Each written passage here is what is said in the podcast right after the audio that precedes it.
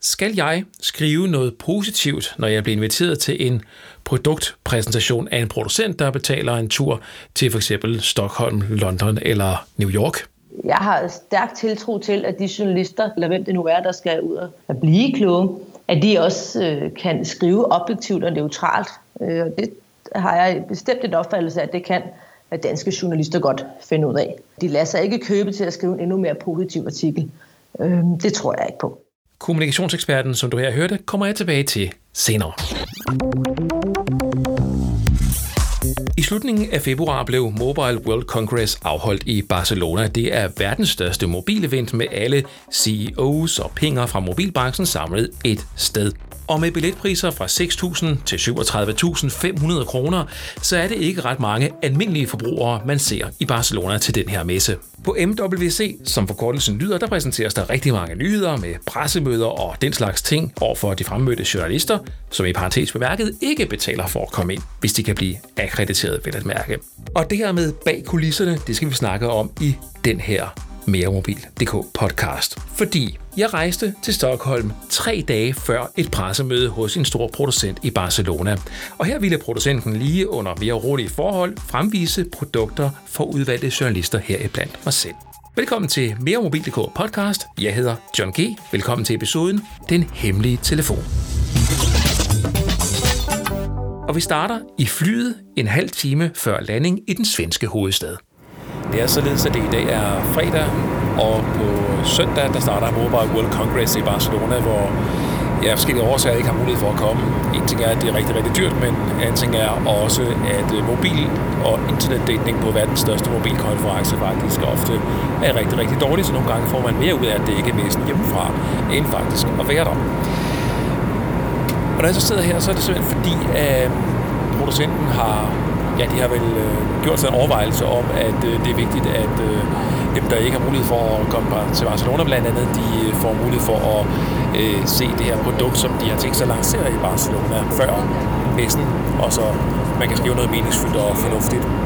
Så det, der lige nu er sagen, er, at jeg har skrevet under på sådan en NDA, Non-Disclosure Agreement, det betyder i korte træk, at jeg ikke må sige noget som helst om de ting, jeg får at vide før på øh, søndag der er selvfølgelig ved med. Og derfor kan jeg på nuværende tidspunkt heller ikke sige dig, hvad det er, jeg præcist skal op til. Det jeg dog kan sige, det er, at det er helt normalt inden for den her branche, og sikkert også andre brancher, at lave aftaler med forskellige typer af vigtige medier, eller journalister, eller bloggere, øh, for at få mest mulig omtale.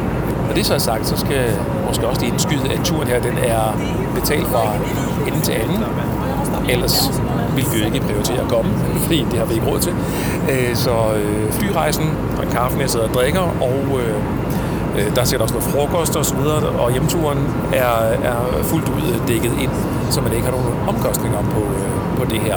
Og det, det så man kan sige for dig vil være det store spørgsmål, det er, at man så i stand til at opretholde en eller anden form for kritisk vinkel til producenten, jeg vil naturligvis gerne kunne svare ja til det her. Lyt med senere, når jeg spørger en kommunikationsekspert med indsigt i telebranchen, om man på en sådan tur er købt og betalt af en producent. Lige først vender vi tilbage til produktpræsentationen i Sverige, der i mellemtiden er slut. Nu har vi været inde ved den her præsentation, som jeg omtalte, og øhm, der måtte hverken tages billeder, der måtte ikke op til lyd, så jeg kan ikke give dig noget baggrundslyd eller øhm, sådan yderligere om, hvordan det foregik, men øh, jeg kan fortælle, at der stod en mand med en øh, stor skærm, og så præsenterede han øh, to produkter og gav øh, deres detaljer om, hvordan de ser produktet, dens øh, features, og ikke mindst også de ting, der skal slås på for at gøre deres øh, produkt til noget særligt i forhold til øh, konkurrenterne. Og det så var færdigt, så kunne man stille spørgsmål, og det var der en del, der gjorde af forskellige karakterer, som der blev beredvilligt svaret på. Og derefter var der såkaldt hands-on, altså man fik lov til at prøve telefonen, øh, som det var, det blev præsenteret. Og så sluttede det hele med, at telefonerne blev afleveret, og vi blev øh, takket af, fordi vi kom, og ja, nu sidder jeg så i lufthavnen og venter på flyet til København igen. Og så kommer der lidt på mail, tror jeg, omkring øh, yderligere detaljer om produktet, nogle pressemeddelelser og specifikationer og så videre. Så jeg har lidt materiale at arbejde med, før det bliver søndag. Lyt med om lidt, hvor jeg fortæller dig, hvad det var for en telefon, der nu var så hemmelig, og som jeg var rejst til Stockholm, altså den modsatte retning af Barcelona, for at se, før den blev præsenteret. Hvorfor inviterer en producent, udvalgte journalister som mig for eksempel, til at se et produkt tre dage før en lancering? Hvorfor ikke stille alle lige? Det spørgsmål, det øh, synes jeg er relevant at få et øh, rigtig godt svar på. Derfor har jeg fanget Katrine Nordborg. Hun er senior kommunikationsrådgiver ved Kompas Kommunikation. Hun arbejder ikke længere i telebranchen, men har gjort det.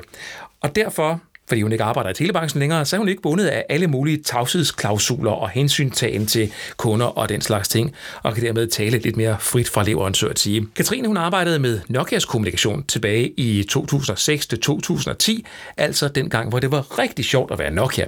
Det var den gang med Nokia E71, N73 og ikke mindst også ikonmobilen Nokia N95.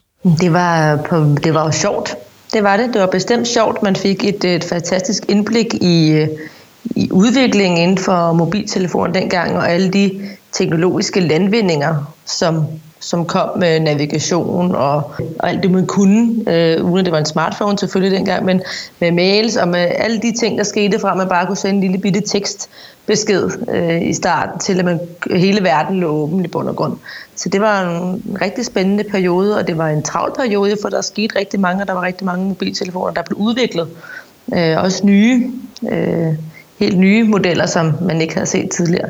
Så det var en øh, sjov og spændende periode, både, øh, både kommunikationsmæssigt, men også rent øh, teknologisk. Og jeg kan måske også lige tilføje til folk, der lytter med her, at dengang med Nokia N95, der må man forstå, at når man som journalist, som øh, mig blandt andet, der var forholdsvis ny på det pågældende tidspunkt, sidder til en dansk presseseance, og der kommer en mand ind med en, en kuffert i hånden, og pludselig åbner den, og der i, sig, i den befinder sig en Nokia N95, så gik der sådan lidt uh, igennem alle journalister, der var der. Der kunne man nærmest høre en knappenål falde til jorden. Der var simpelthen en citron i luften, da den kuffert den kom frem, og en iver, som øh, små børn, øh, der havde set øh, pakken under juletræet. Det var, øh, det var øh, noget helt, øh, helt særligt dengang, ja. Jeg kan høre, at vi skal lave en podcast en dag, der handler om øh, old times, men øh, lige nu lad os lige vende tilbage til øh, min tur til øh, Sverige og den her forpræsentation af en hemmelig telefon, Katrine Norborg. Ja. Hvorfor med dine PR-øjne bliver jeg inviteret til en sådan øh, pre-briefing på et produkt? Jamen, det er der øh, flere gode grunde til, at du gør.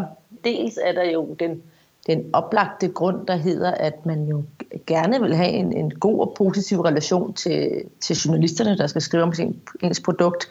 Og det får man blandt andet ved, at man giver dem noget særligt, noget ekstra en gang imellem. Men det kunne netop være sådan en, en tur til, til Stockholm, som du var på.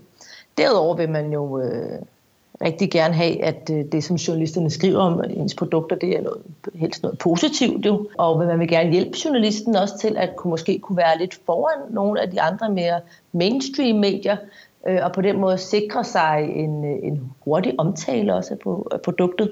Så ved at du kommer derop, og du ser øh, produktet sammen med en håndfuld andre journalister som de første, så får du allerede der øh, nogle informationer og en og en oplevelse af, hvad det her det er for et produkt, som du kan gengive i dine artikler. Du kan skrive dem på forhånd, så du er klar, når der er øh, en bargod ophører, og du kan få lov til at publicere dem.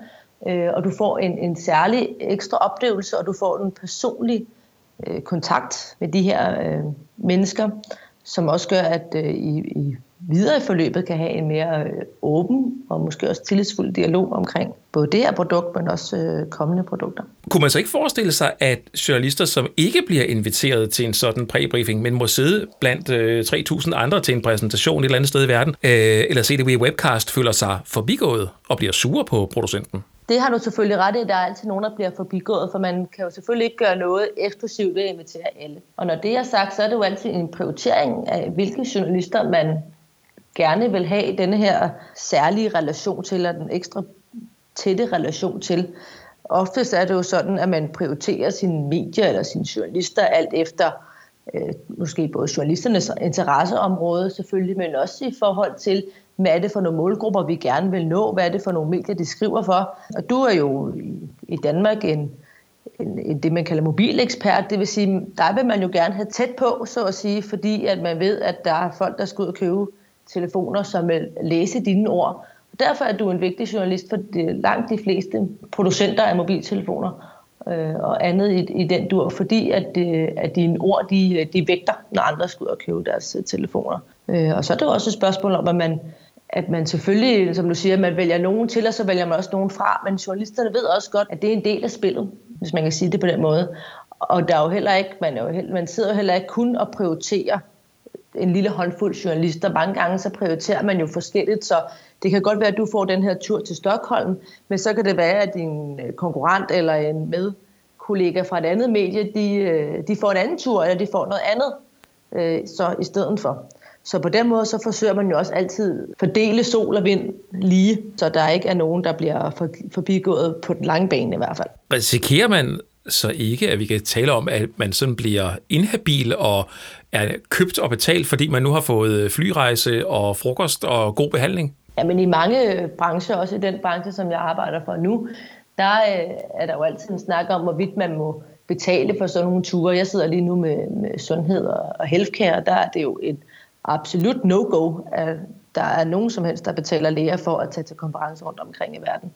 Øh, det er, inden for telebranchen er det stadig lovligt og muligt, og mit syn på det er egentlig, at jo, det er der selvfølgelig altid en risiko, at, at journalisten så er betalt, men jeg har stærk tiltro til, at de journalister, der, der skriver, eller de lærer, der nu tager afsted, eller hvem det nu er, der skal ud og blive kloge, at de også øh, kan skrive objektivt og neutralt. Øh, og det har jeg bestemt et opfattelse af, at det kan at danske journalister godt finde ud af. De lader sig ikke købe. De vil selvfølgelig gerne afsted, men, men de lader sig ikke købe til at skrive en endnu mere positiv artikel. Øh, det tror jeg ikke på. Hvad nu, hvis jeg øh, konsekvent er afstandtagen eller negativ over for den pågældende producents produkter? Altså, øh, jeg har jo været mange steder i, i verden på, på den her måde. Altså, øh, New York, San Francisco, Abu Dhabi er mere eksotiske steder øh, på, på betalte ture. Hvis jeg nu gang på gang skriver negativt om den pågældende producents produkter eller, eller tilsvarende, så skal jeg vel ikke regne med at få sand under fødderne i Abu Dhabi igen, tænker jeg bare.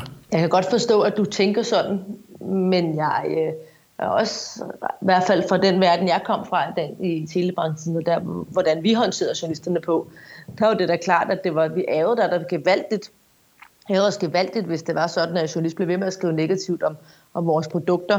Men netop fordi, at man jo oftest havde en, en god relation til, til pågældende, altså en personlig relation, så kunne man også tage dialogen med den pågældende journalist, eller med dig om at sige, jamen, John, nu har du fire gange skrevet noget negativt om vores produkter. Hvordan kan det være?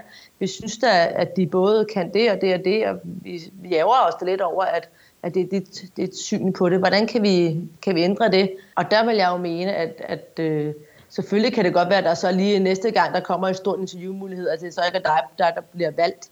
Men på den lange bane, så tror jeg egentlig, at, at man har en gensidig respekt for ens funktioner. Så man kan jo godt forstå, hvis du, det er din holdning, og den, det produkt der, det er simpelthen, det synes du, det er under din forventning, jamen så må jeg jo som PR-ansvarlig for et pågældende produkt sige, nå, det er der virkelig ærgerlig over, men jeg må respektere din holdning, og så må jeg jo tage dialog med dig omkring, hvad kan vi gøre fremadrettet måske, for at du kan blive mere positivt stemt, eller er der nogle andre ting, som der på en eller anden måde kan, kan ændres på, så du, så du måske kunne, kunne ændre holdning? Men hvis det er produkter reelt, som du synes simpelthen ikke er godt nok, så må jeg også sige, at det er jeg ked af.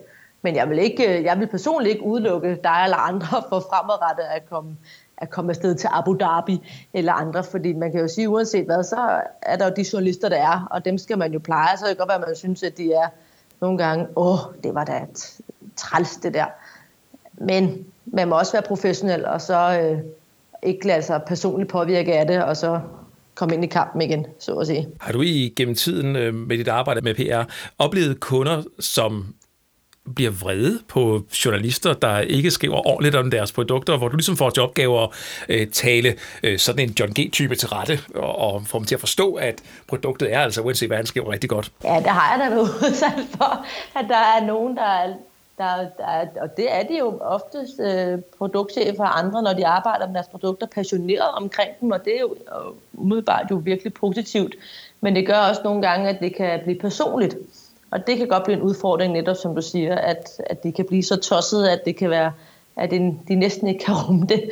Og det er klart, så er det mit job, måske ikke så meget at snakke øh, dig til rette, men måske i højere grad at tage øh, en dialog omkring netop, hvordan kan det være, at dit syn på det her øh, produkt eller brand er sådan her, men også tage en snak med produktchefen eller andre, og snakke med vedkommende om, om hvad kan man sige, pressens spilleregler og dens ABC i forhold til, hvad man kan tillade sig også som, som produktchef. Jeg kan måske sådan også til øh, forståelsen for det her sige, at jeg, jeg bliver selv, øh, hvad skal man sige, irriteret, hvis, hvis det er, at jeg kan fornemme, at den person fra en producent, der sidder over for mig, det er typisk nogen, der er nyuddannet ude for CBS, øh, der, der sidder og, øh, hvad hedder det, og taler i sådan nogle PR-floskler om, hvor fantastisk og øh, brightful og alt muligt deres produkt, øh, de repræsenterer nu er. Det trods for, at enhver jo kan se, at, hvad ved jeg, skærmen er dårlig, eller der er et eller andet, der, der, sådan, der sådan hænger, altså at man, de hænger så meget fast i deres roller, at de ikke ligesom kan sige, ja, det kan jeg sgu godt se. Ja. Men du får vel også penge for at være positiv, men at det er jo ikke noget, at du selv sidder og indrømmer som PR-konsulent, at, øh, at det ikke er godt nok. Det er mig.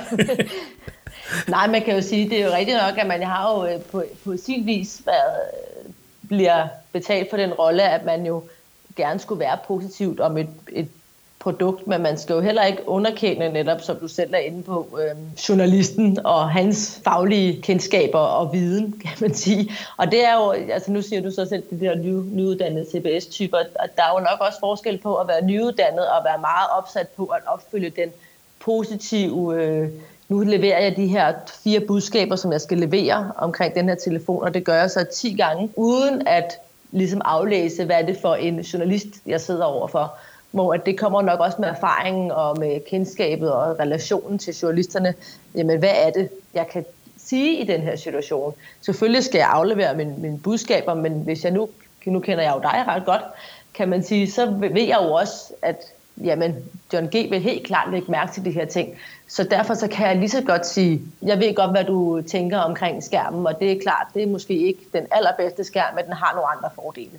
Så man kan jo sagtens have den der imødekommende, øh, anerkendende øh, relation, som jeg tror også er egentlig på, øh, på den lange bane er mere frugtbar, end bare at levere øh, sine budskaber, så ellers lukke ørerne for, for kritik eller, eller for, for andre ting, der, der kommer. Øh, men det handler nok også om noget, om noget erfaring og, og netop den her relationsopbygning, som blandt andet er en del af en tur til Stockholm. Stockholm er så ikke det mest, øh, hvad hedder sådan noget, eksotiske sted for Nej, det her. du fik lov til at se et produkt før nogen andre. Lige præcis, men der er, der, der er ikke nogen tidsforskel, og det skulle jeg hele sige, når man er på de her ture, det, det er altså, øh, det, altså folk de tror, at man rejser, øh, hvad hedder sådan noget, og, og ser en hel masse, nå, så har der været i San Francisco, og uh, uh, ikke? Altså, jo, vi rejste øh, mandag middag fra København, og vi var tilbage øh, torsdag morgen i København, og der er altså tidsforskel på hvad, ni timer eller sådan noget. Ja. Så. Ja, så er det vist godt. Lad os lige stoppe her, inden der går for meget ynk i den, for naturligvis er der spændende oplevelser på sådanne ture, men det er meget lufthavne, konferencelokaler og tæller, som man ser. Tak til Katrine Nordborg, senior kommunikationsrådgiver ved Kompas Kommunikation, fordi hun ville deltage, og jeg så godt love, at jeg tager fat i hende på et senere tidspunkt til en snak om de gode gamle Nokia-dage. Og nu er vi nok her, ja, så var der jo en ting, der ved MWC Barcelona fik rigtig meget opmærksomhed, og det var selvfølgelig præsentationen og relanceringen af Nokia 3310, og ikke mindst også Android-telefoner, som rigtig mange har efterspurgt. På meremobil.dk der følger vi naturligvis med i, hvordan det går Nokias videre færd fremad, og vi kommer også til at teste produkterne.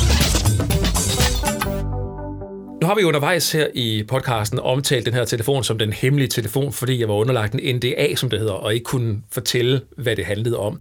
Men det kan jeg nu, fordi at NDA'en er løftet, og alt er ude i det åbne, som man siger. Øh, Morten, velkommen til øh, podcasten her. Tak skal du have, John. Jeg skal nu lige, skal lige sige, at du er på en, øh, en telefon nærmest på vej ud af døren, men jeg er nødt lige at fange dig. Du arbejder som sagt for Huawei og ved en hel masse om det produkt, som vi har omtalt som den hemmelige telefon. Prøv lige en gang at fortælle, Morten, hvad er det for en telefon, vi taler om?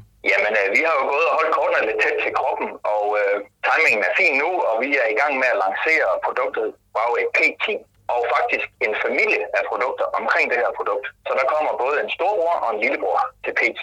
Og nu synes jeg måske, når vi har brugt så meget tid på at have den her telefon som omdrejningspunkt, det er meget relevant lige at høre, hvad er det så, at den her P10 og P10 Plus kan? Vi har steppet lidt op i forhold til sidste års modeller, og puttet øh, lidt øh, kraftigere mekanik ombord og opgraderet øh, stort set hele vejen rundt i, øh, i enheden. Og derfor så er P10, som er hovedproduktet, at den størrelse, der er flest, der, der vælger en telefon i, den er på 5,1 tommer. Sidste års model P9 var faktisk 5,2, så vi er gået ind og lavet den en anelse mindre. Og øh, det skyldes simpelthen, at vi har haft øh, behov for at differentiere produkter i vores lineup en lille smule. Og den er samtidig blevet utrolig rund i sin, øh, i sin øh, fuldfræsede aluminiumsblok. Sådan så, eller rundt i kanterne, sådan så den er lidt, lidt smallere at holde på. P10 Plus'eren, som storebroren så hedder, den er så til gengæld op i en 5,5 tommer størrelse. Øh, noget, som vi jo måske senest har set i vores eget Mate 9 Pro-produkt. Og øh, der er det helt klart skærmen, der betyder noget. Og den har så igen lidt kraftigere indmad. Tak for snakken omkring øh, produktet. Jeg må, jeg må lige stille et lille sidespørgsmål, fordi nu har den her podcast handlet rigtig meget om at holde produkter hemmelige, og øh, hvad vi journalister må vide på forhånd og ikke vide på forhånd. Og det er jo ikke noget specifikt for jer, det er jo generelt for, for alle producenter i branchen. Kan du ikke lige prøve at sætte på på, Morten? Hvordan er det at gå og holde noget hemmeligt for alle mennesker, at man taler med, og ikke må sige noget til nogen, når man sidder der, hvor du gør? Jamen, øh, det er da ingen hemmelighed. Det er jo sådan en blandt landhandel, fordi selvfølgelig er det rasende frustrerende, at have noget nyt og spændende, som han har lyst til at dele med hele verden, fordi man er meget stolt over det, der skal til at ske.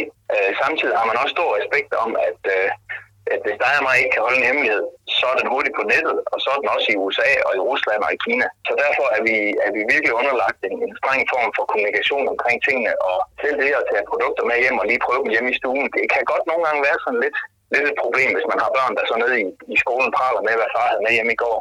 Så man skal tænke sig godt om, når man øh, arbejder med sådan noget sensitivt noget, som, som vi synes, det er. Men Morten, tak for, for indsigten, både i produktet og også øh, i, hvor, hvordan det er at, at sidde på den anden side og være hemmelighedsfuld. Jamen, øh, det var bestemt så lidt, og god fornøjelse med det videre forløb her.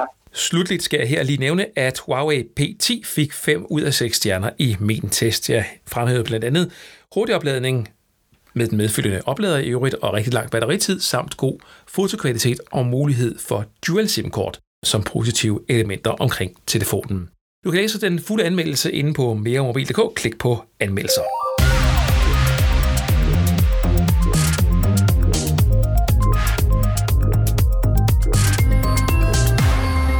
Jeg håber, du i denne podcast har fået et indblik i, hvordan det også kan være at arbejde med smartphones på den stol, hvor jeg sidder. Apropos hemmeligheder, så besidder jeg faktisk på nuværende tidspunkt viden om ting, der vil ske i fremtiden, men som jeg ikke kan dele med dig endnu. Her må du følge med på meremobil.dk.